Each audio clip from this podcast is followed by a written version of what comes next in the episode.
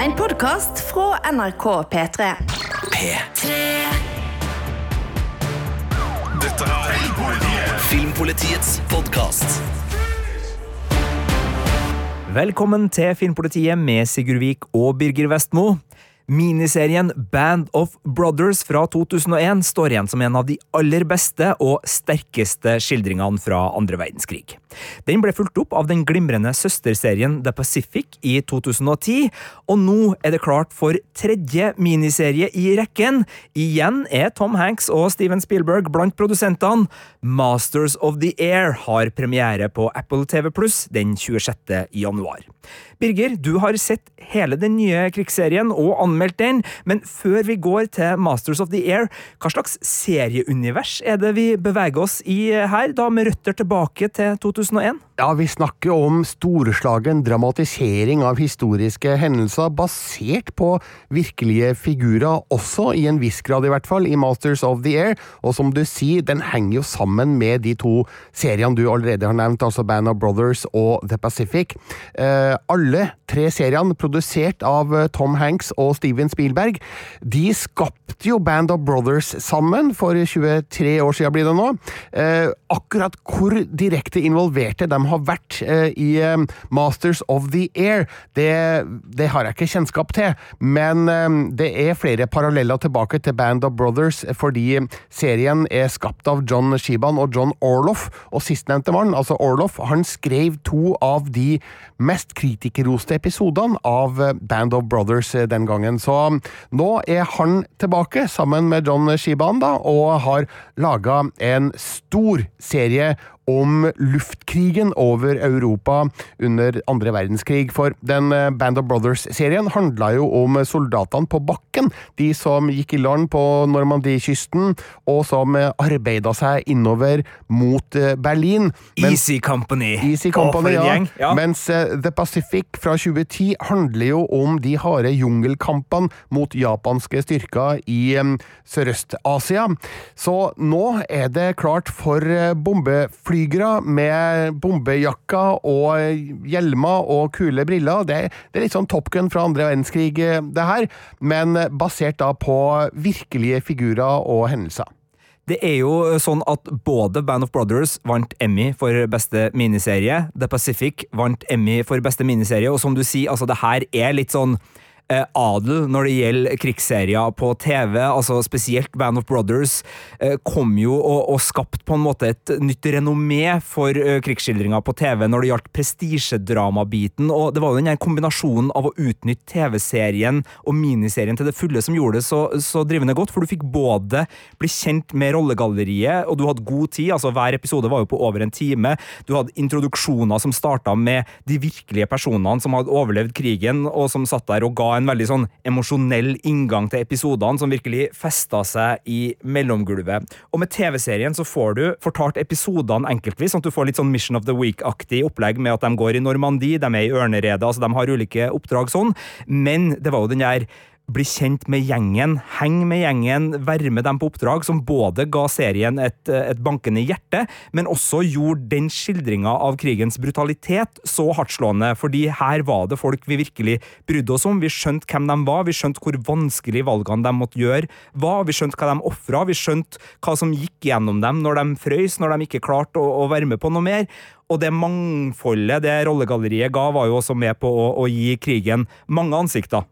Så jeg syns jo både uh, Band of Brothers og senere også da uh, The Pacific har vært veldig sterke uh, opplevelser fra, fra, sofaen, og derfor så er jeg jo veldig spent, da, Birger, når vi nå får ja, litt flåsete sagt, da, del tre. Altså, de er jo uavhengige, de her uh, ulike folk som har laga dem. De to tidligere HBO-serier, det her nå en, en Apple-serie. Men, men, Masters of the Year, uh, hvordan er de? De bruker akkurat den samme malen som du nå beskriver fra Band of Brothers og The Pacific. Det er jo en storslagen serie med veldig mye krigsaction, men midt oppi det her så introduserer de en rekke figurer for oss som vi i løpet av de ni episodene denne miniserien varer, får et eh, godt og nært forhold til. Altså, persongalleriet er helt enormt her. Og det er ikke all du får like mye informasjon om. Men eh, i spissen for det hele så finner du da pilotene eh, Gail Buck Cleven, spilt av Austin Butler, kjent for Elvis. Eh, du finner også da John Bucky Egan, spilt av Callum Turner. De to har altså da ganske like klengenavn, Buck og Bucky. Det var en buck i Band of Brothers òg, husker jeg. Det, det går igjen, det. Ikke sant? Robert Rosie Rosenthal spilles av Nate Mann. Han er også en av pilotene i serien, og det samme gjelder Curtis Biddick, spilt av Barry Keegan. Og så er det da en eh, annen sentral person her som heter Harry Crosby, spilt av Anthony Boyle. Han er navigatør om bord i disse B-17 bombeflyene som serien eh, handler om, og han er også seriens fortellerstemme. Uh, Harry Crosby eh, var en ekte person. Det er nok kanskje ikke hans egen tekst som blir fremført her, fordi denne serien er basert på ei bok fra 2007 som heter Masters of the Air, America's Bomber Boys Who Fought the Air War Against Nazi Germany, av en forfatter som heter Donald L. Miller og jeg er ikke helt kjent med hvor dypt i materien han har gått, om han faktisk har snakka med noen av eh, disse, som jo da ikke lever lenger, noen av de nødvendigvis. Eh, så mm, det er i hvert fall han da som er filmens bankende hjerte, og som setter oss litt inn i omstendighetene og forklarer forklare litt av problematikken rundt disse bombereidene da over nazi okkuperte områder i Europa. Så um, det handler jo om um, et uh, kompani. Uh, det heter kanskje ikke det, da, men uh, de kaller seg da Hundredth Bomb Group i 8th Air Force, så det er da en avdeling da av amerikanske flygere, det her, som er stasjonert på RAF Thorpe Abbots i England, og derfra så legger de ut på jevnlige bombetokt eh, mot strategiske mål, da, for å forsøke å få nazistene i senk. Og det er da den første halvdelen av serien som er mest fly tung, skal vi si det.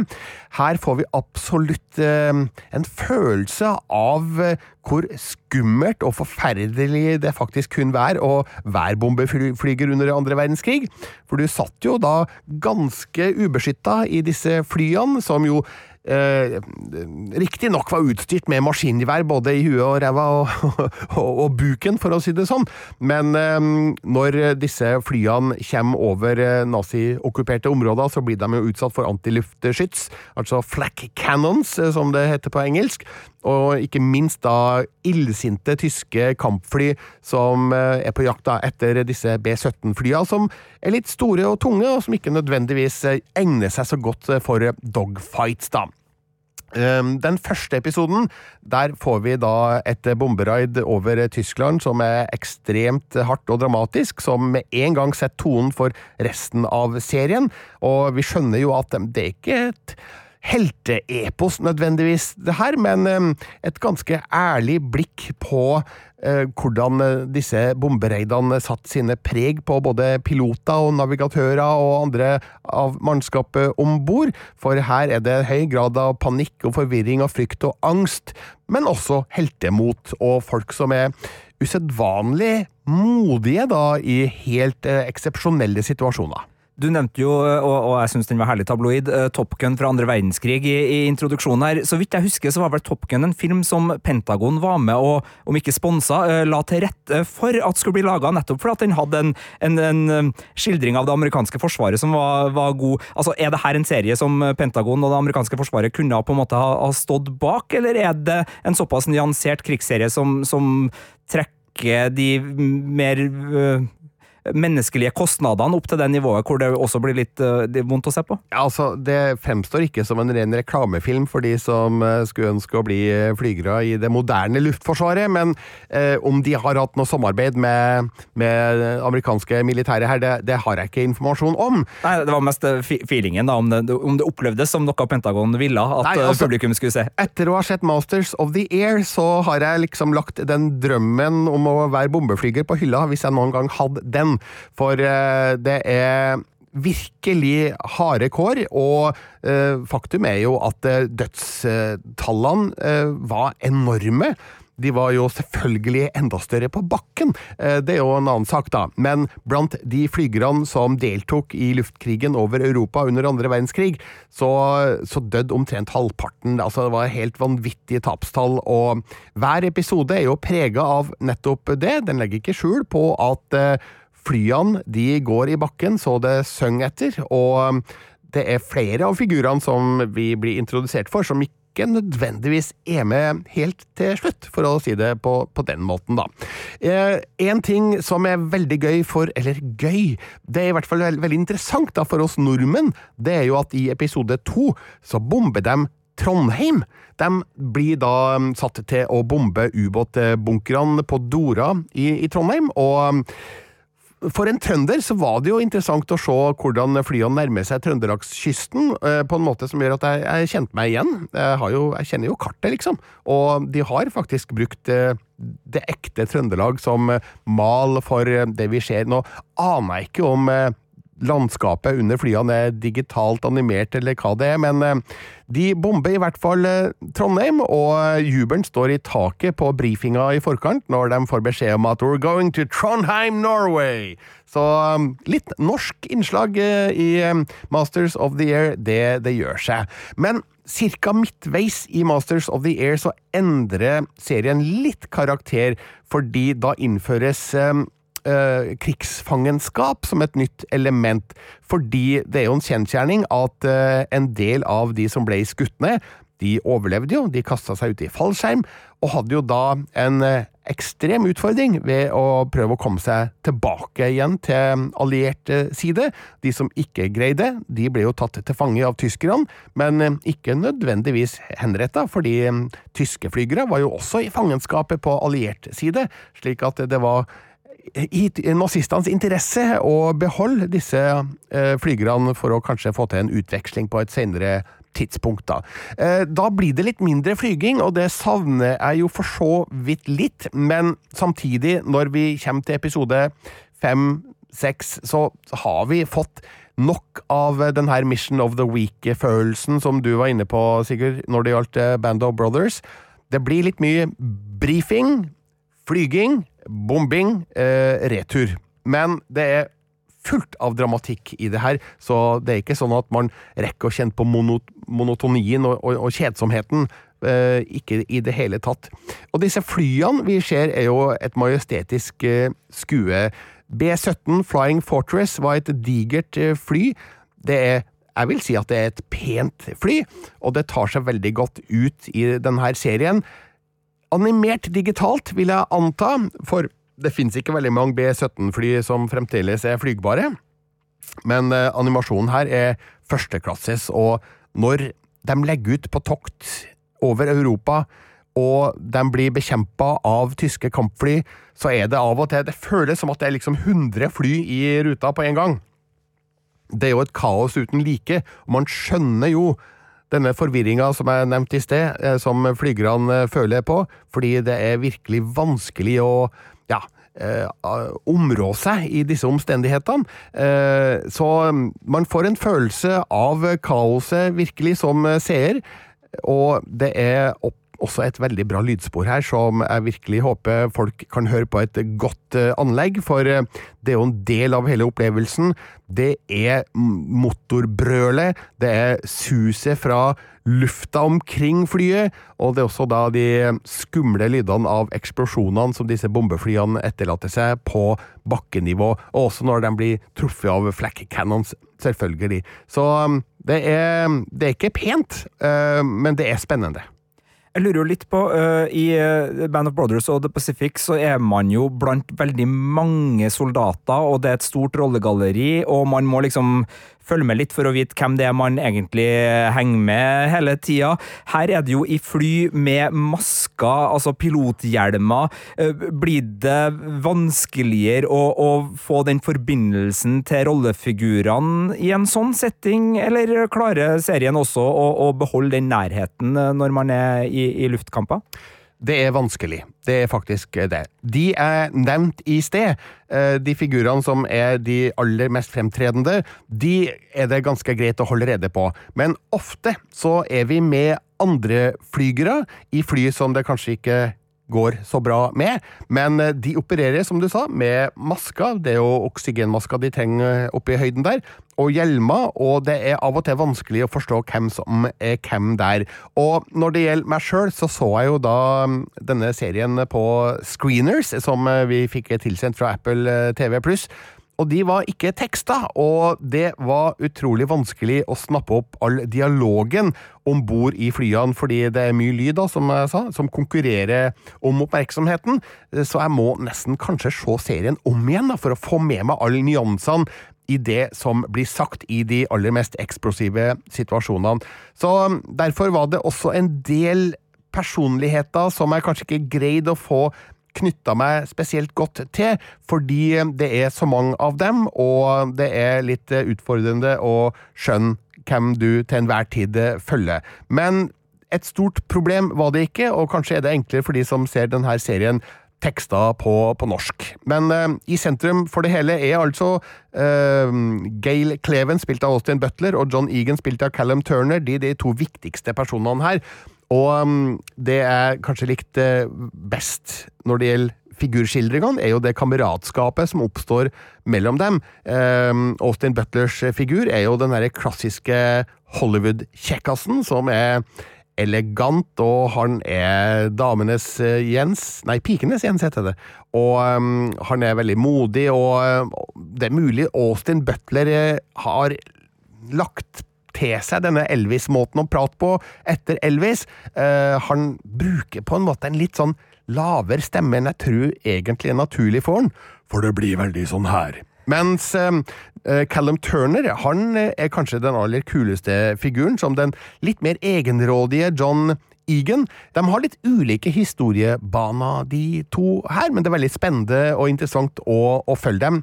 Samtidig så har jeg allerede nevnt at eh, navigatøren Harry Crosby er fortellerstemmen, og Anthony Boyle han gjør en fantastisk innsats i, i den rollen, og disse folka de gir oss jo et bilde på kameratskapet mellom eh, flygerne.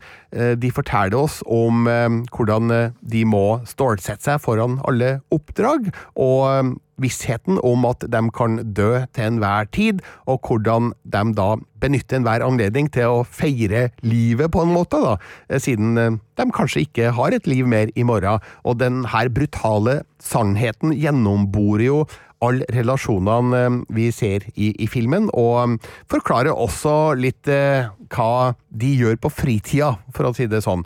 For det er klart at hvis du er bombeflyger og vet at du skal i krigen, og at sjansen for at du blir skutt ned og dør er ekstremt stor, så har jo det litt å si for din, din opptreden når du ikke sitter i dette bombeflyet.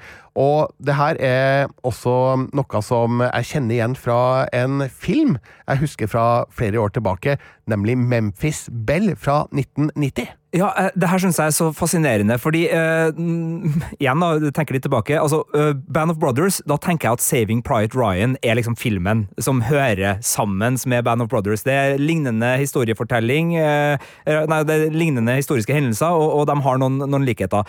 På The Pacific så er jeg mer sånn de to Clint Eastwood-filmene Letters from Iwo Jima og The Flags of Our Fathers, som kom i 2006, tror jeg det var, som jeg alltid har liksom tenkt på sånn Ja, dem og The Pacific hører sammen sammen. Så jeg var nysgjerrig da på, på om det var en sånn film som på en måte passa ekstra godt til Masters of the Air. Og jeg vet jo at uh, det her det er jo ikke første gang det fortelles på film, men, men der trakk jo du fram Klink, en ja. gammel favoritt. Ja visst. Altså, Memphis Bell, som jeg sa, kom i 1990 i regi av Michael Caton Jones, og den hadde jo da et uh, stort rollegalleri med noen av datidas største um, unge mannlige stjerner, altså Matthew Modine, Eric Stoltz, uh, Sean Austin, før Lord of the Rings, en god del år før også, og Billy Sane, kjent kanskje mest fra Titanic eh, etterpå. Um, og de spiller jo Du tar ikke med Fantomefilmen der, altså? Jeg tar ikke med Fantomen, nei. Uh, så de spiller jo roller som jeg kjenner veldig godt igjen i Masters of the Air, for det er de samme typene som sliter med de samme problemstillingene og har litt av den samme oppførselen. Og så fortelles jo da serien i akkurat samme miljø som filmen. Jeg kjenner igjen flytårnene, jeg kjenner igjen kasernene, jeg kjenner jo selvfølgelig igjen flyene også, bare at i Memphis Bell så brukte de en del ekte B-17-fly som fremdeles var operative. De brukte også en del modeller, altså de hadde jo ikke noe særlig til CGI-animasjonsmuligheter i 1990, men eh, jeg syns jo da at practical effects eh, er ofte er bedre enn eh, CGI, og Memphis Bell løste den biten forbilledlig godt. Og det er jo en film som jeg føler at eh, skaperne av Masters of the Air må ha sett. Altså, de må ha latt seg inspirere av den, fordi det er så mange fellestrekk, så mange likheter, så mange paralleller her, at det kan ikke være tilfeldig. Eller så har både den gamle filmen og den nye serien eh, gjort researchen sin godt da i forhold til beskrivelser av hvordan det egentlig var da under andre verdenskrig. Det er en anbefaling det her fra deg, Birger. Du gir terningkast fem og, og kaller det en mektig og monumental krigsserie, så folk som har likt Band of Brothers og The Pacific jeg holdt på å si kost seg med. Man skal være litt forsiktig uh, med å, å, bruke sånne type uttrykk når man snakker om, om krig og fordervelse.